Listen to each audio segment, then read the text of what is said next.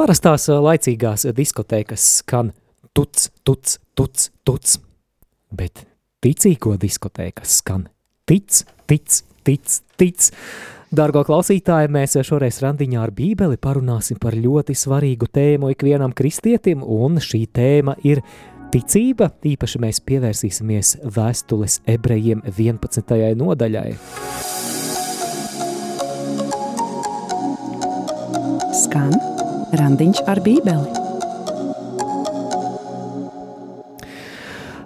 Māris Veliks studijā un Olga Velika.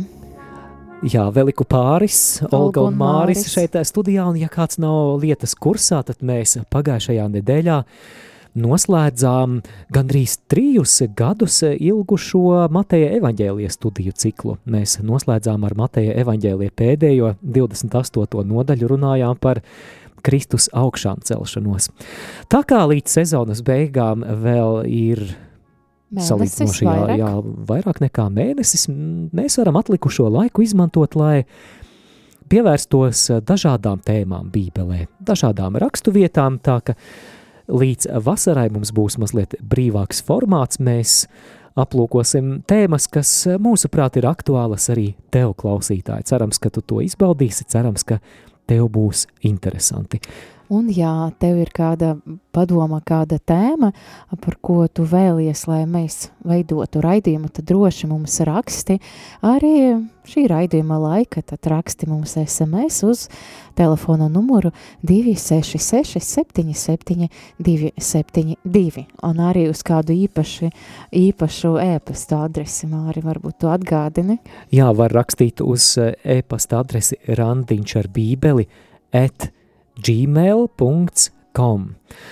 Un um, tas, ka mēs esam pabeiguši studēt Mateja evaņģēliju, nenozīmē, ka Bībele beigusies. Jā, ka bībele beigusies, un arī nenozīmē to, ka randiņš ar bībeli ir eh, beidzies, jo arī jaunajā nedēļā šis raidījums turpināsies. Man, starp citu, ir dažas idejas, kā to turpināt, bet ja no tevis nāks eh, kāda laba ideja, ko tu gribētu dzirdēt jaunajā sezonā, proti no septembra, tad droši, droši arī šī ētera laikā iesaisties, mēs priecāsimies parunāt, padiskutēt, tātad par ko tu vēlētos dzirdēt randiņu ar bībeli jaunajā radio Marija sezonā, bet Olga, tu minēji arī e-pasta adresi šim raidījumam, un šī e-pasta adrese ir um, randiņš ar bībeli at gmail.com. Man ir jāatzīstās klausītājiem kādā lietā.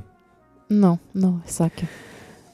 Es, diemžēl, vairākus mēnešus šajā pasta kastē nebiju iegājis, bet es to izdarīju šodien.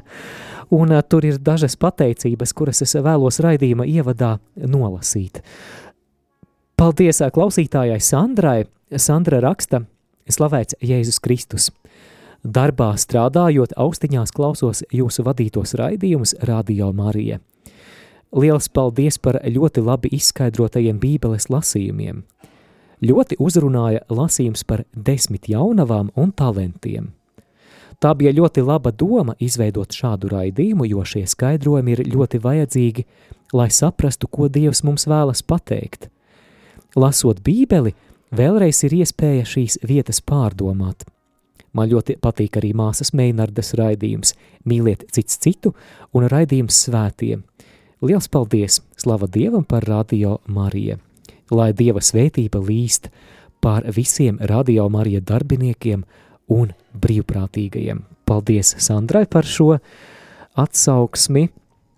Tad mums arī ir Biruta uzrakstījusi. Olga, vai tu varētu lūdzu nolasīt šo? Um, tā, labrīt, Olga un Māri. Liels paldies par šo raidījumu. To klausījos ar lielu interesi, jo lasot tekstu, to līdz galam neizpratu. Skaidrojums bija ļoti nepieciešams. Jūsu komentāri visu salika pa plauktiņam. Paldies par jūsu aizrautību un enerģiju, raidījuma gatavošanu un klausītāju izglītošanu, lai spēks un izturība, izturība jūsu, jūs pavada visu šo gadu. Pateicība Biruta. Paldies, liels Biruta! Es eh, turpmākos ap, turpmāk apņemos laboties un biežāk ielūkoties pasta kastē. Mm, Bet tas nozīmē, ka klausītāji jums jāraksta. Un Jā. Jā. jāpārbauda, vai Māris lasa savu e-pasta adresi. ap ēpastu. Olga, es nezinu, kā tevi, bet mani ļoti motivē klausītāju atsauksmes, jo, Protams. jo radio mēs eh, neredzam jūs, un eh, reizēm man šķiet, ka ikvienam radio raidījumu vadītājam mēdz uznākt tā sajūta, vai tik eh, es šeit nerunāju pats ar sevi un ar mikrofonu. Nu, labi, kad es pievienojos, tad tev vismaz ir tāda klātbūtnes eh, sajūta, bet jā, klausītāji, jūs eh, droši varat iesaistīties un sūtīt savas uh, liecības par to, ko nozīmē jums šīs raidījums atgādina, ka šo raidījumu arī varat skatīties mūsu YouTube kanāla, rādījumā arī Latvijā un arī Facebook konta Randiņš ar bībeli. Un ā, rakstiet, par ko jūs gribētu dzirdēt šo raidījumu jaunajā sezonā. Iesaisties ēterā, zvanot uz studijas tālruni 67 969 131 vai rakstot īsiņu uz numuru 266 77 272. Izmanto arī e-pasta iespēju Studija at rml.lv.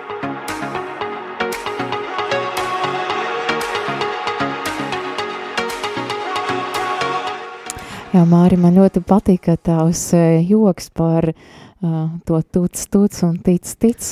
Man to Ļoti priesteris, priesteris Pēteris iemācīja. Nu, rekā. Čau, Un, jā, un man ā, nāk prātā, gatavojoties šim raidījumam, kāds cits, kāds cits joks, vai nezinu, anekdote, vai pat varbūt dzīves stāsts, es nezinu, bet biju dzirdējusi tādu joku. Uh, ir kāds ciemats, un uh, vasarā piedzīvo lielu taudu sausumu, un tā kā ciemata dzīvo zemnieki, viņi piedzīvo to, kā, un baidās no tā, ka raža ies bojā, jo sausums nelīst, un tad uh, ciemata priesteris uh, s- svētā gara pamudināts sasauc draudzi uz to, lai lūgtu Dievu par to, lai Dievs davātu lietu. Un, eh, kad draudzes locekļi bija sanākuši baznīca dievnāma, tad viens puisītis atnācis ar lietu sārgu, un tad eh, viņam draudzes locekļi prasa, kāpēc tu paņemi lietu sārgu? Ārā tāds sausums, bet puisītis neizpratni skatās uz, uz draudzes locekļiem un saka, bet kā, taču pēc lūgšanas līst, rekur liela ticība, Jā, mēs ā, šodien runāsim par ticību. Kas īsti ir ticība? Kā tā ir definēta Bībelē? Kādi labumi mums ir no ticības un kas palīdz ticībai mūsu dzīvē augt? Par šiem jautājumiem mēs runāsim šajā raidījumā. Uzreiz es vēlos norādīt, ka mēs šo tēmu nevaram izsmelt vienā raidījumā. Ticībai noteikti ir daudzi citi aspekti, bet uh, no īpaša rakursa mēs palūkosimies uz šo ticības tēmu. Un, kā jau es raidījuma ievadā minēju, mēs šoreiz īpaši pievērsīsimies vēstules ebrejiem 11. nodaļai. Tā ir ļoti klasiska raksturvieta par ticību. Reizēm to mēdz saukt par ticības slavas zāli. Jo, kā ir piemēram rokenrola slavas zāle, kur ir ierakstīti gan Beatles, gan Rolling Stones, gan citi slaveni mūziķi, tad uh, 11. nodaļa ebrejiem tiek saukta par ticības slavas zāli, jo tajā ir ierakstīti vecās derības ticības varoņi. Tur mēs lasām gan par Ābrahamu, mēs lasām par Sāru, par Noāsu, kurš ticībā būvēja šķirstu un ā, par citiem lielajiem ticības varoņiem. Bet interesanti, ka vēstules ebrejiem 11. nodaļa iesākas, proti pirmais pants, ietver ticības definīciju. Un tā ir šāda. Citēju, vēstule ebrejiem 11.1. Jo ticība ir stipra paļaušanās uz to, kas cerams, pārliecība par neredzamām lietām. Šī raidījuma kontekstā šī raksturvieta būs tik svarīga, ka es vēlreiz to tagad nolasīšu, sakoncentrējam uzmanību, jo ticība ir stipra paļaušanās uz to, kas cerams, pārliecība par neredzamām lietām. Mēs mazliet vēlāk preparēsim šo ticības definīciju, bet patiešām, dārgais draugs, ticības dzīve nav iedomājama bez stipras paļaušanās uz to, ko mēs neredzam. Galu galā, tad, kad mēs lūdzam no Dieva atbildi kādā situācijā, un kad mēs šo atbildi vēl neredzam, ik viena lūkšana, kurā mēs nākam Dieva priekšā ar kādām vajadzībām, sākas no tām pozīcijām, kad mēs atbildi vēl neredzam, bet mūsu ticību raksturo tas, ka mēs pieejam ar lielu paļāvību tam, ka Dievs var gādāt, ka Dievs var atbildēt.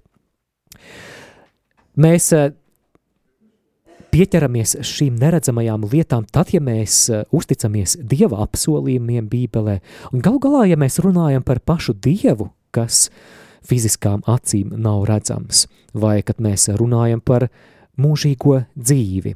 Un apustulis Pāvils otrajā vēstulē korintiešiem 5.7 to š, dzīvi šādā ticībā raksturo ar vārdiem, kas, manuprāt, arī ļoti trāpīgi, citēju – Mēs dzīvojam ticībā, nevis redzēšanā.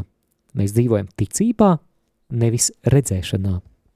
Un to arī bija satveris tas mazais uh, puisītis, un mēs vēlamies arī pateikt, ka varbūt ticība nav tāda lieta, kas pieejama varbūt tādiem izglītotiem cilvēkiem, varbūt uh, Dievs mums prasa tādu vienkāršu pieeju, kā šis puisītis, viņš paņema lietu sargu, jo viņš ticēja, jā, ka Dievs atbildes uzreiz pēc lūkšanas pār lietu, un Māris jau minēja šo ticības definīciju, es ceru, ka jums bībeles ir atvērtas, tad ebrejiem 11, uh, 1, un mēs no šīs definīcijas mēģināsim uh, dabūt visu, ko varam, jā, bet mums tādi uh, priekšā tādi trīs uh, ticības, tāda rakstura īpašības, kas ir, kas ir svarīgas, ko, kas var raksturot ticību un kas arī izriet no šīs, no šīs definīcijas. Tad pirmā lieta, par ko mēs vēlamies teikt, tad ir, ir paļaušanas. Mēs jau runājam, ka definīcija ir rakstīts stipra paļaušanas, bet jā, tajā ebrejam 11.1, bet kas interesanti, mēs zinām, ka kā uh, jauna derība bija rakstīta grieķu valoda, tā sen grieķu valoda, ja? un šajā vieta, kur tiek runāts par ticību, tad uh, tiek izmantots grieķu vārds pistīs, un pistīs patiesība tulkojama nozīme uzticēšanas un paļaušanas, tad ticība ir uzticēšanas un paļaušanas, un varbūt tas tieši atšķir kristiešus ticīgos no visiem pārējiem, jo uh, mēs uh, pasaulē ir tik daudz cilvēku, un viņa patiesība arī kaut kam tic, jo nu, cilvēki varbūt, kas neiet uz baznīcu, kas nepraktizē attiecības ar cilvēkiem, viņi saka, nu jā, es arī ticu, ka Dievs ir, un varbūt cilvēks aiziet tur reizi gadu uz baznīcu, bet mēs, kristieši, neesam aicināti uz tādu, kā informatīvu ticību, uz tādu, ka, nu jā, es zinu, es ticu, ka Dievs kaut kur ir, Jā, galu, vienkārši es piekrītu faktam. Jā, ka es piekrītu faktam. Un patiesībā galu galā arī Bībelē rakstīts, ka, ka dēmoni arī tic, bet drēp, jā, viņ, jo viņi zina, ka Dievs ir. Un līdz ar to mums ir eh, tas aicinājums paļauties uz Dievu. Un mēs eh, šo paļāvību mēs varam mācīties no, varbūt no šīs zemes attiecībām. Galu galā tu brauc ar autobusu, tu uzticies, ka šoferis tevi aizvedīs tieši pa to maršrutu maršruta, vai tu izsauc taksi, un tu arī uzticies, kā tevi šoferis aizvedis uz to noradīto adresi. Un arī līdzīgi arī par runāt par maziem bērniem. Mazie bērni tic, uzticas saviem vecākiem. Mēs varam iedomāties sevi bērnība, mums vecāki bija visa pasaule, tie vecāki atvēram, atvēram mums šo pasauli. Un, uh, Jā, tad mums kristiešus, mūsu ticību rakstura paļaušanas, un uh, arī lasam, man liekas, interesanta vieta no Mateja evangēlija 18. nodaļas no 2. līdz 3. pantam. Jēzus kaut ko māca mācakļiem. Šeit gana ir vieta vairāk varbūt par pazemību, bet tas man uzrunā arī par ticību. Uh, Un, kad Jēzus pasauca bērnu, nostāja to viņu vidu un sacīja, patiesi es jums saku, ja jūs neatgriežaties un netopat kā bērni, tad jūs nenonāksiet debesu valstību.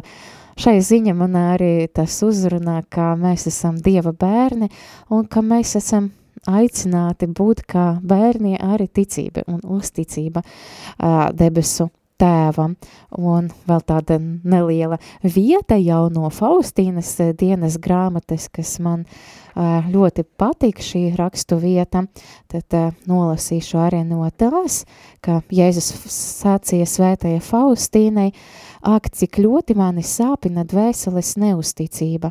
Tāda dvēsele apgalvo, ka esmu svēts un taisns, bet netic, ka esmu žēlsirdība un neusticas manai labestībai.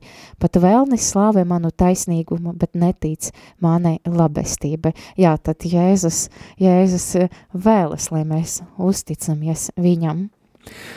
Tātad Pirmais ticības raksturojums no trim, par kuriem mēs šoreiz raidījumā runājam, ir, ka ticību raksturo paļaušanās, un man nāk prātā vēl viens stāsts, ka virs Niegāras ūdenskrituma tika nostiepta virve, un kāds akrobāts pār šo virvi staigāja, un tā sapulcējušies cilvēki aplaudēja, ir sajūsmā par to, un tad akrobāts jautā sapulcējušajam pūlim, vai jūs ticat, ka es varu ar šo ķerru pāriet pāri virs Niegāras ūdens krituma?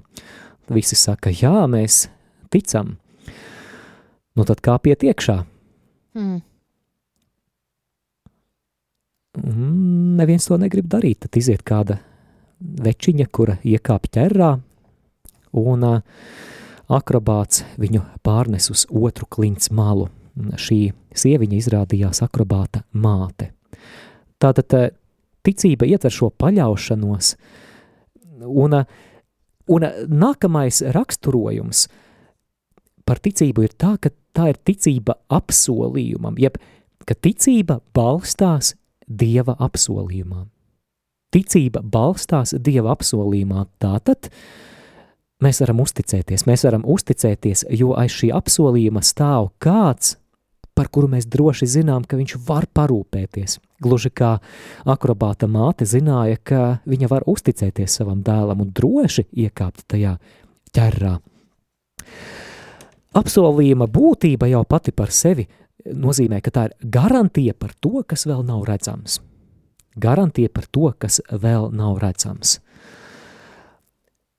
Un kas tad tās ir par lietām, uz kurām mēs ceram, kas vēl nav redzamas. Es jau minēju, ka galu galā par mūžīgo dzīvi mēs varam runāt, ko mēs nevaram aptaustīt šobrīd.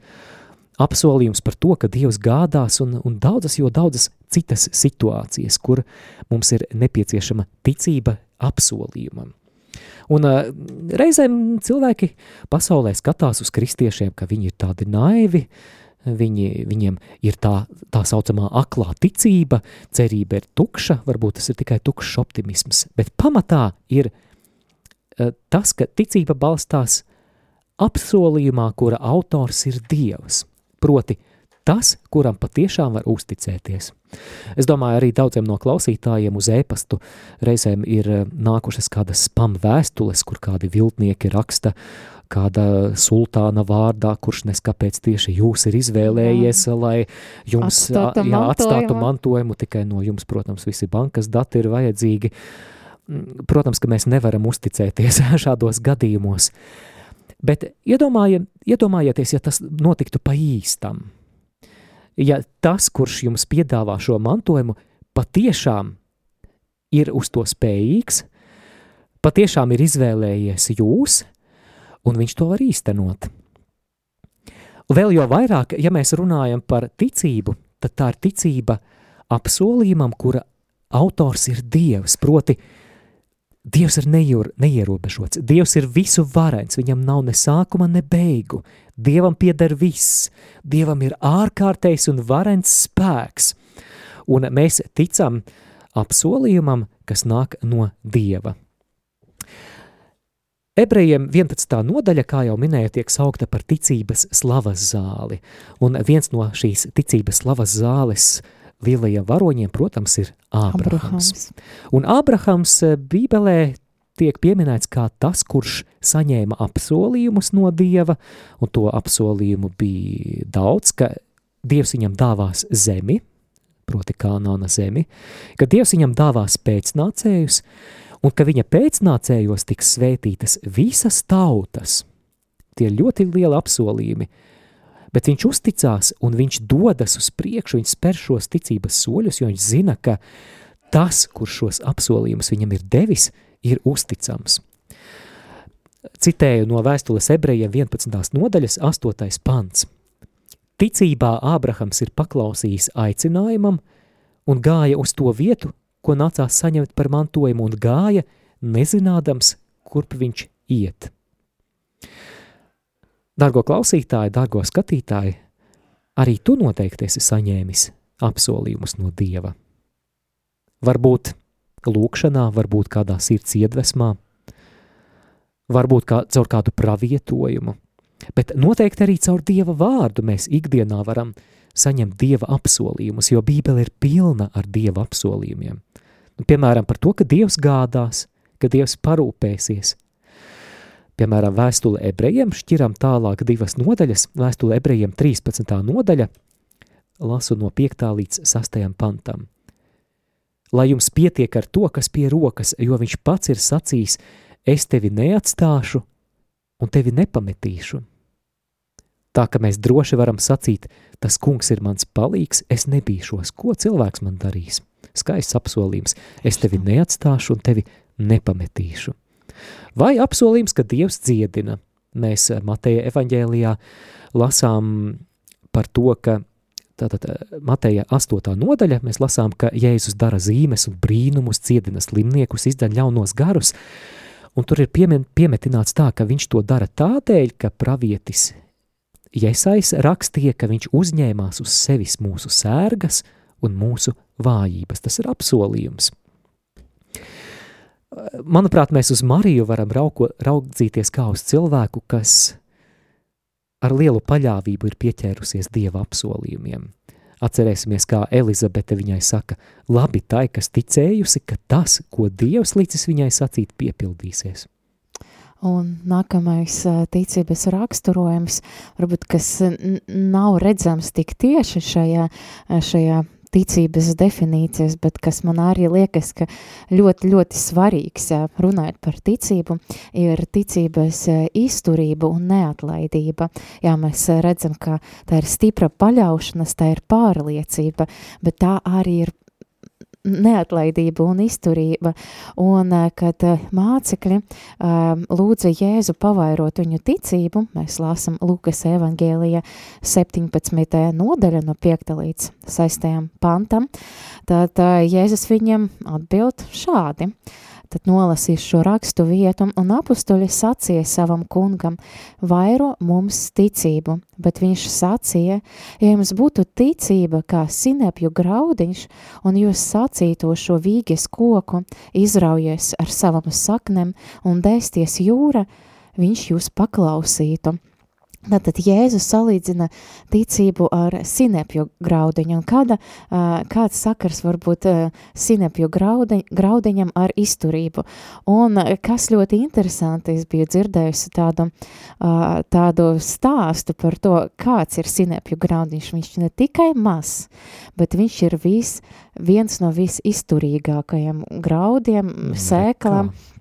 Ir bijis kāds stāsts, ka uh, sievietei viņai nodarbojas ar uh, nu, zemkopību, jā, tad viņa stādīja augus un viņa gatavoja stādīt, viņa uztaisīja stādus no bietam, burkaniem un citiem graudiem un arī no sinepam. Un tad viņai bija kāds zvans un viņai teica, ka viņai steidzīgi jādodas uz kādu citu pilsētu uz vairākam nedēļam, uz ilgstošu laiku. Un viņai nebija laika, nebija iespējas sarunāt, kā kāds varētu nākt un palīdzēt palīdzēt viņai ar tiem stādiem aplaistītu, un viņa zināja, viņa atgriezīsies un viss būs beigts, jā, bet viņa atgriezas, visi stádi bija miruši, bet tikai vienīgais, vienīgie stádi bija izdzīvojuši.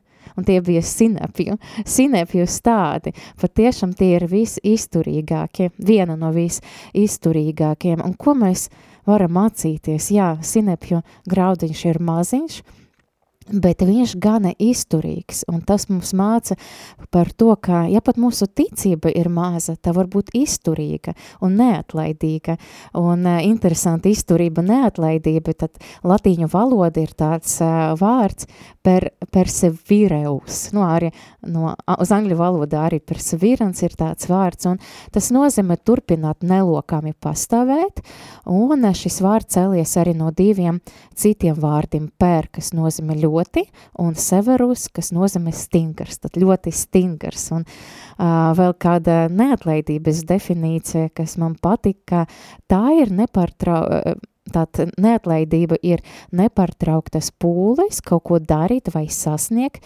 neskatoties uz grūtībām, neveiksmēm un pretestību. Un jā, varbūt Jēzus tieši runa par to par siniepju graudiņu, iespējams tieši arī šāda konteksta. Mēs zinām, ka ka nu, mācekļi dzīvoja arī tāda agrāra valsti, agrāra tāda kultūra, kur bija daudz zemkopības. Un uh, par, par neatlaidību Jēzus saka, uh, stāsta vēl kāda rakstu vieta, tad Ja mēs par sinepju graudiņu lāsim Lukas 17, tad Jēzus Lukas 18 māca tieši par tādu lūkšanu, tātad no 1 līdz 8 pantam, Lukas 18, vēl viņš tiem stāstīja līdzību par to, ka tiem būs aizvien lūgt Dievu un nebūs pagurt. Kāda pilsēta dzīvoja tiesnesis, kas dievu nebijas un no cilvēkiem nekaunējas, bet tai pašā pilsēta bija atraitne, kas nāca pie viņa un sacīja, izlem manu lietu pret manu pretinieku. Tas ilgu laiku negribēja, bet tad viņš sāka spriest sevi – lai gan es Dieva nebīstos un no cilvēkiem nekaunos, tomēr, lai viņa mani nemocītu, es gribu šo lietu izlēmt, citādi viņa vēl beigas nāks un sitīs mani vaigā. Un tas kungs sacīja, vai dzirdējat, ko netaisnes tiesnesis saka, un Dievs, lai nedotu tiesu saviem izredzētiem, kas dienu nakti viņus piesauc, kaut gan viņš vilcinās. Es jums saku, viņš viņu lietu izlems visai drīz, bet vai cilvēka dēls, kas, kad tas nāks, atradīs ticību virs zemes. Tātad viena lieta ir neatlaidība un izturība.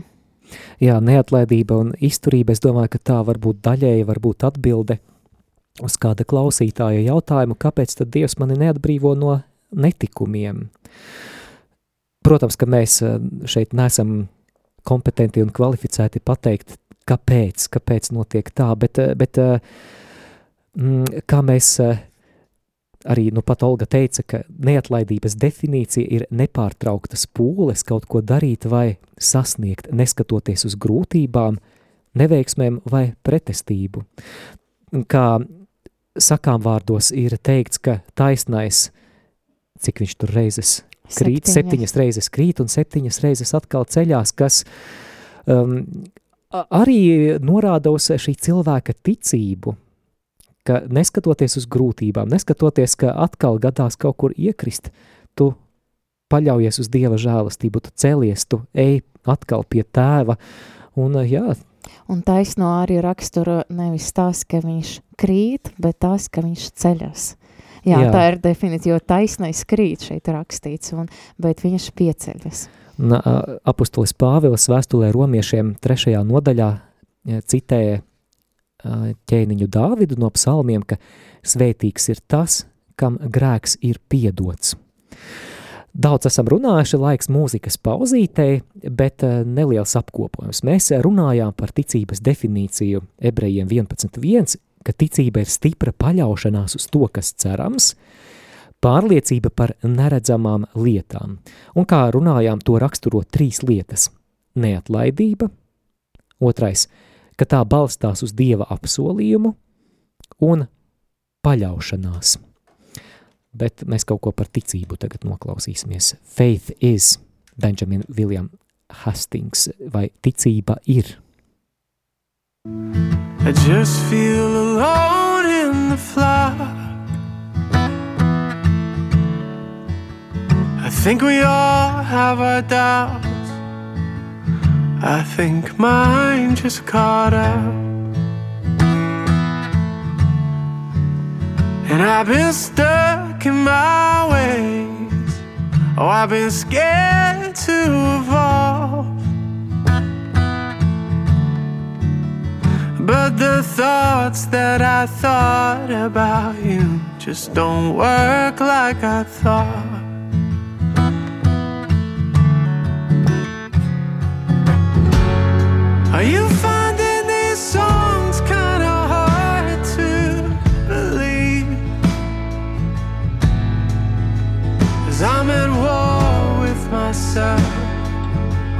And I don't like how it feels.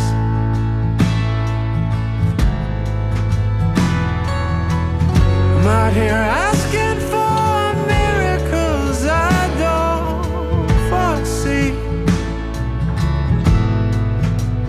Maybe faith is a gift that I'm yet to receive.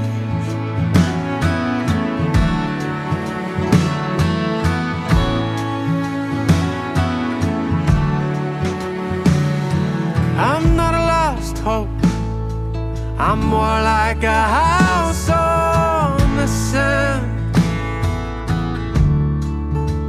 And if that wind starts to blow, I don't know how much longer I'll last. Oh, you're finding songs kinda hard to believe. I'm at war with myself, and I don't know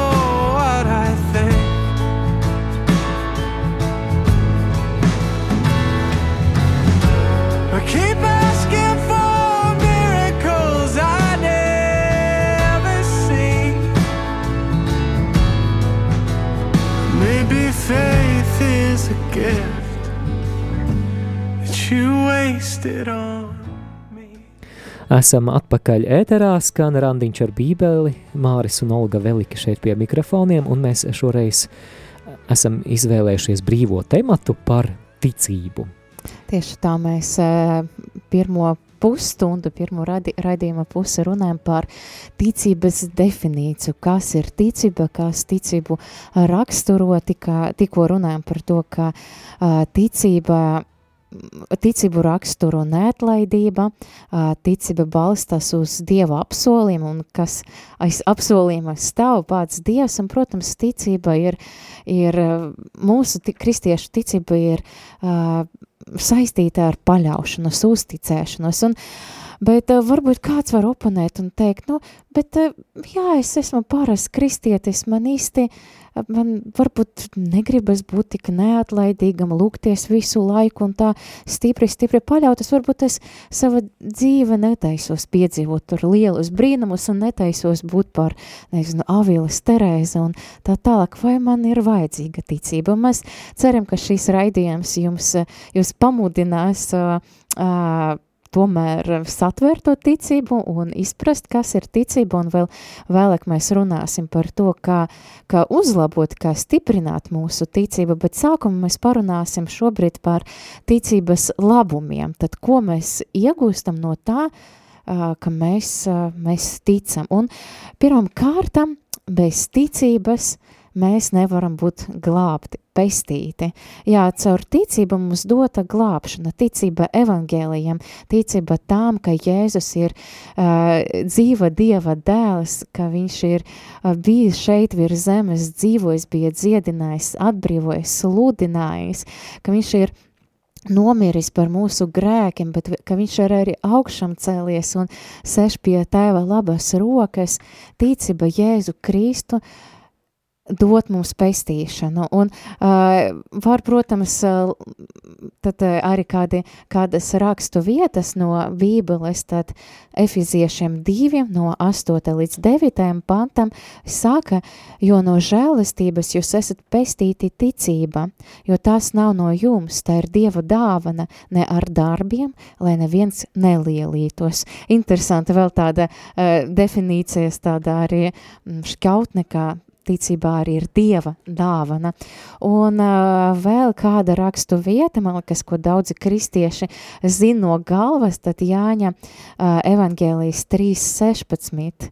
Uh, un jo tik ļoti Dievs pasauli mīlējis, ka viņš devi savu vienpiedzimušo dēlu, lai neviens, kas viņam tic, nepazi, nepazūstu, bet dabūtu mūžīgu dzīvību.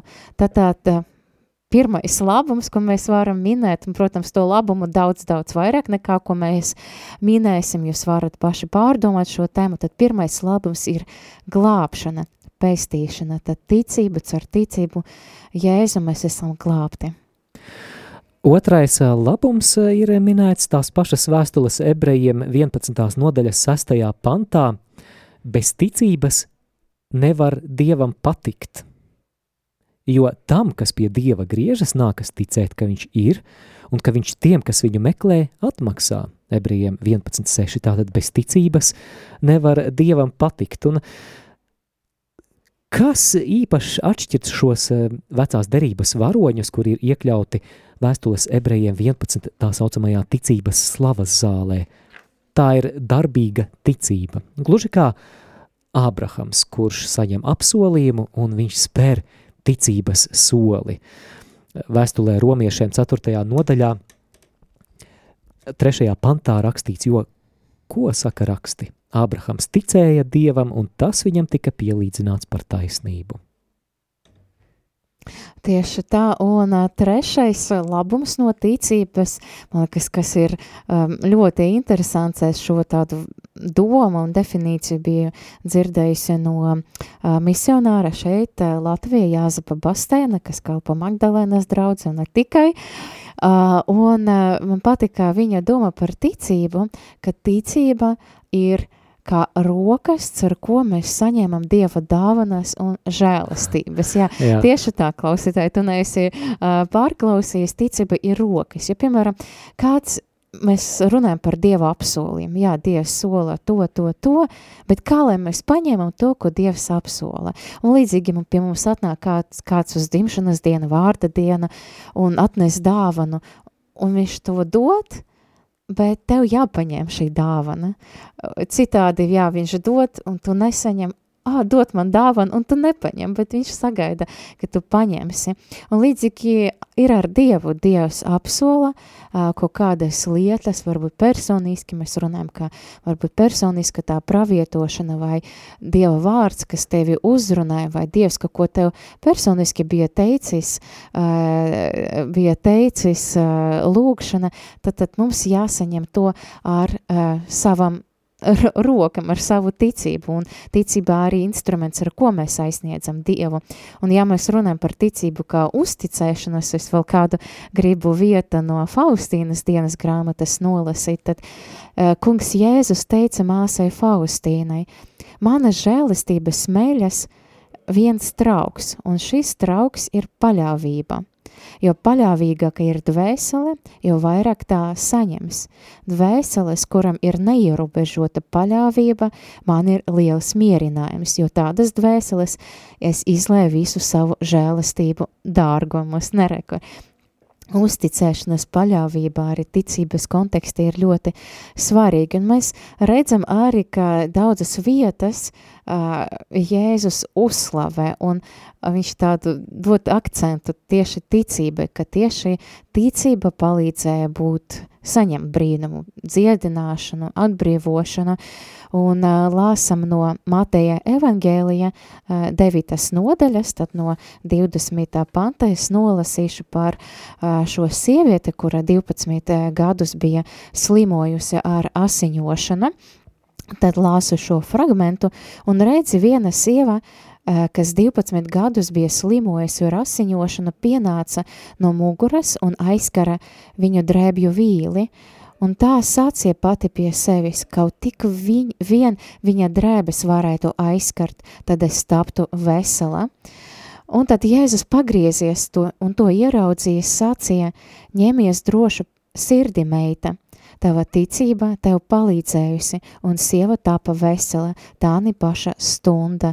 Un, jā, šī sieviete cer ticības rokams ar ticības instrumentu, tad var teikt, aizskara Dievu, tad mūsu ticība var aizskart Dievu tam, ko mēs ticam. Tad eh, kādus labumus mēs saņemam no ticības? Šoreiz runājām tikai par trim, protams, no daudz, daudz uh, lielāka labumu skaita, bet uh, tā ir dvēseles pestīšana, tā ir patikšana Dievam, un ticība ir rokas, caur ko mēs saņemam žēlastības. Mēs pēc brīža atgriezīsimies ēterā, lai parunātu par to, kā stiprināt savu ticību, bet tagad īsa mūzikas pauzīte. Bet uh, es aicinu arī šajā mūzikas pauze uh, arī padalīties un pateikt, kas jums palīdz ticību stiprinātu un palīdz lai, tam, lai ticība augtu. Tad mēs uh, savus punktus piedāvāsim uz pieci punkti, bet varbūt jūs varat arī padalīties par to, kas jums palīdz. Dievs pasauli mīlējis,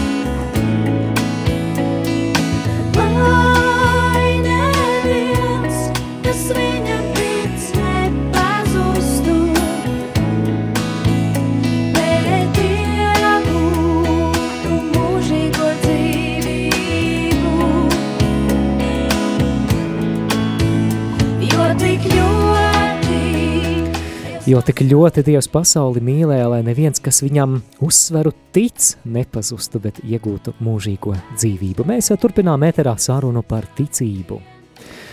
Un nākamais plāna punkts, tas arī noslēdzošais šajā raidījumā, ko mēs varam darīt, lai savu ticību trenētu, lai to vairotu, lai tai palīdzētu augt. Un vēl tu vari paspēt iesaistīties arī ēterā rakstot vai zvanot uz mūsu ētera tālruņiem, un padalīties, kas tev palīdz stiprināt tavu ticību. Un vēl atgādinu arī, ka mēs priecātos dzirdēt, ko jūs gribētu dzirdēt randiņā ar bībeli jaunajā sezonā no septembra. Bet labi, tagad par tām lietām, kas palīdz mūsu ticībai augt.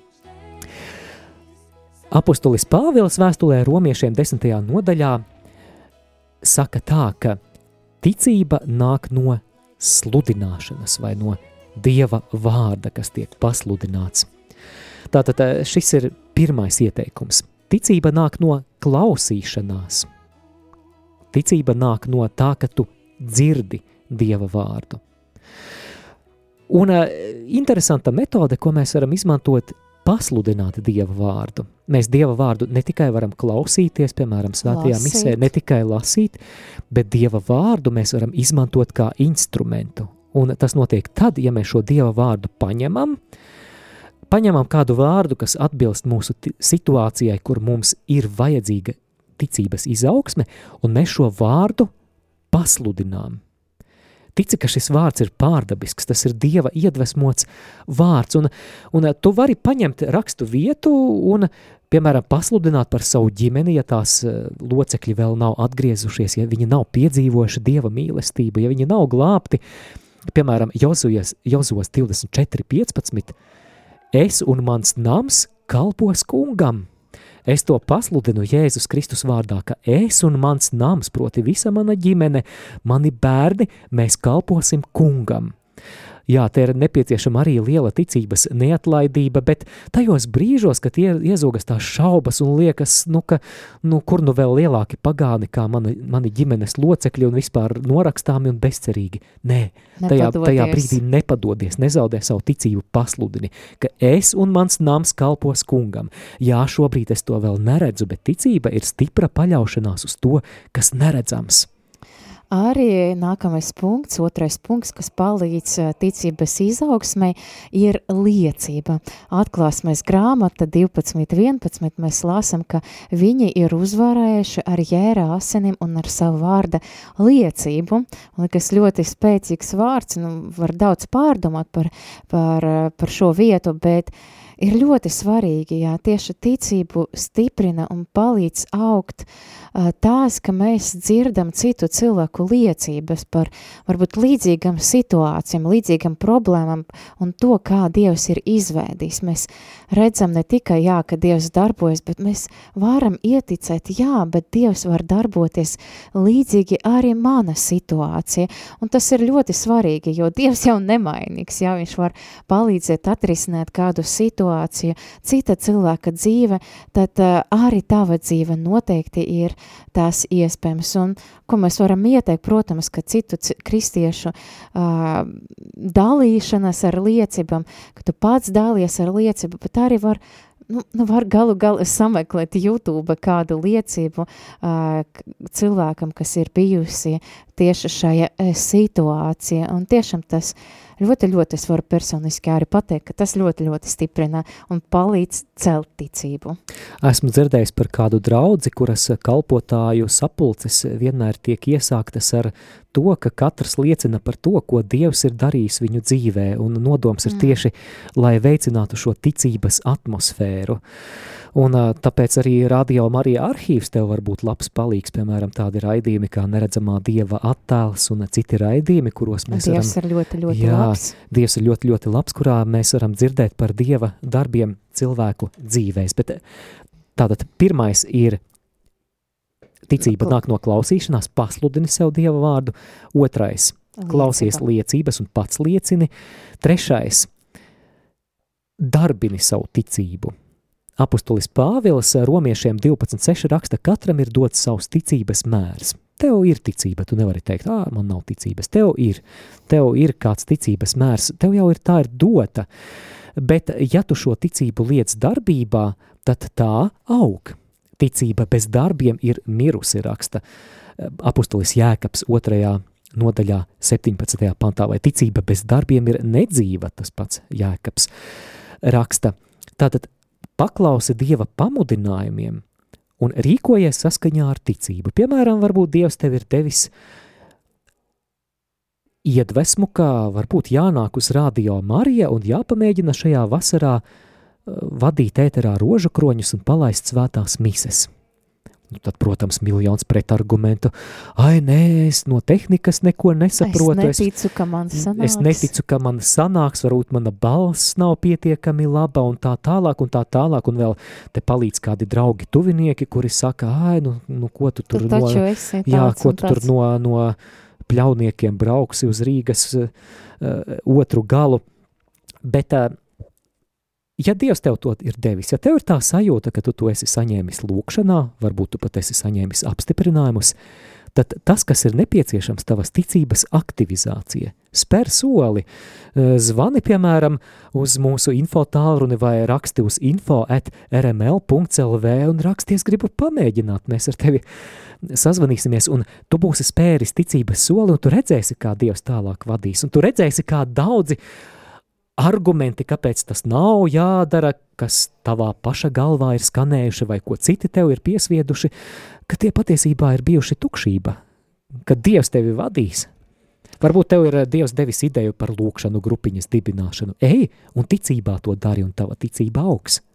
Tieši tā, un jā, man liekas arī tas, ka mēs spēram soli ticība parāda un apliecina Dievam, ka mēs ticam, un jo vairāk mēs spērsim soļus ticību, jo lielāku ticību arī Dievs dos. Un nākamais punkts, kā pavairot savu ticību, ir pavadīt laiku ar ticības cilvēkiem. Mūs ļoti ietekmē sabiedrība, kur mēs esam, varbūt ko mēs skatāmies, varbūt interneta vai ko mēs skatāmies, klausamies televīzora, rādio, un e, īpaši tuvākais loks, tuvākie draugi ģimene ietekmē, un e, mēs zinām, ka pirmā, pirmā vēstule korintiešam 15, 33 arī teiks, ka ļauna sabiedrība samaita labus tikumus, tāpēc tāpēc neesi viens, tev ir vajadzīgi citi kristieši, kas arī varbūt liecinās, pamudinās ticēt, bet viņi ir tev vajadzīgi blakus. Ideāli tā būtu kopiena, lūkšanu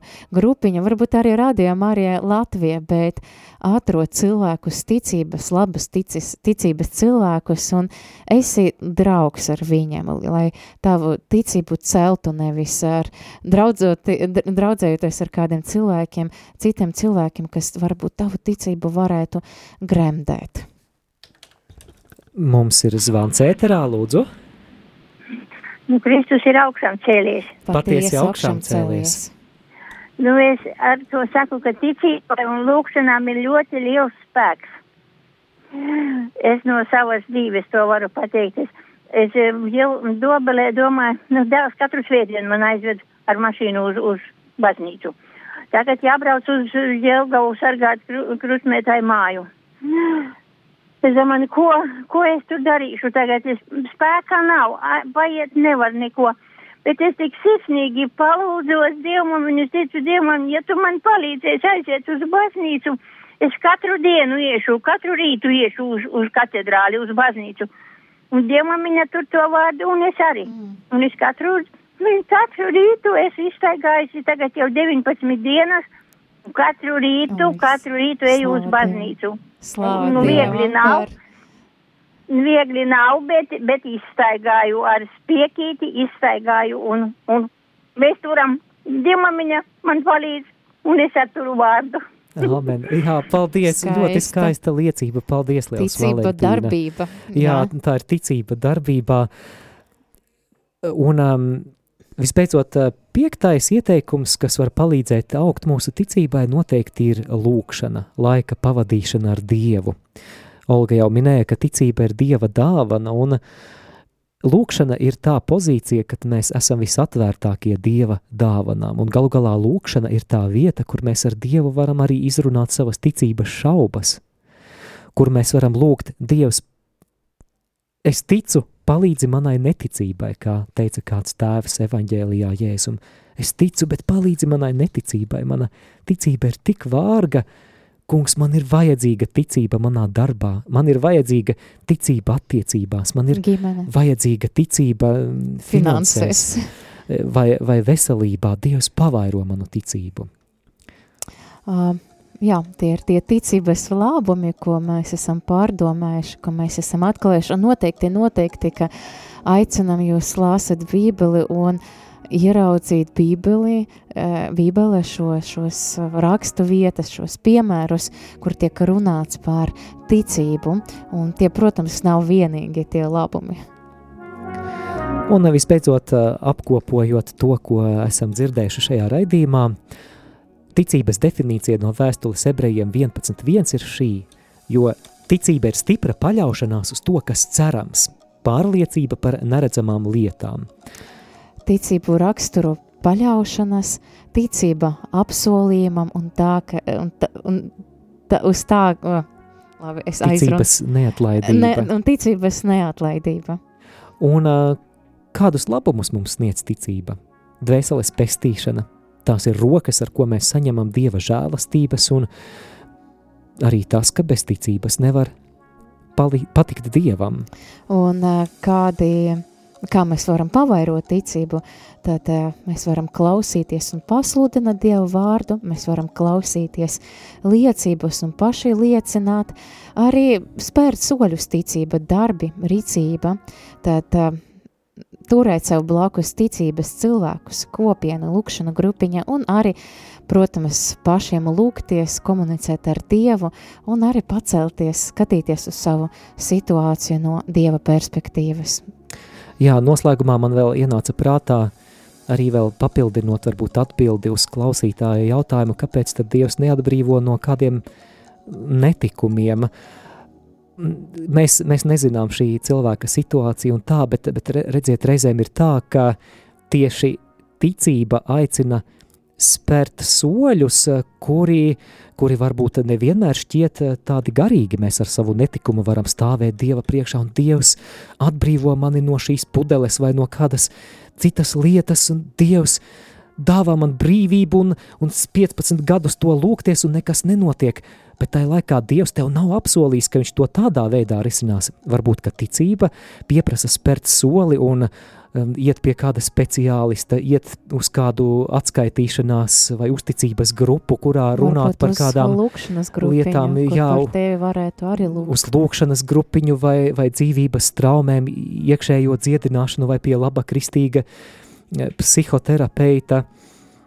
Uh, jā, eh, tā ka tiešām eh, es domāju, ka Dieva priekšā vai, vai mēs darām visu, visu, kas, ko mūsu ticība pieprasa. Tā, tā nav tikai tāda garīga eh, lieta, ka, ka mēs gaidām, ka kaut kas nokritīs no, no debesīm. Tā ir izvēle.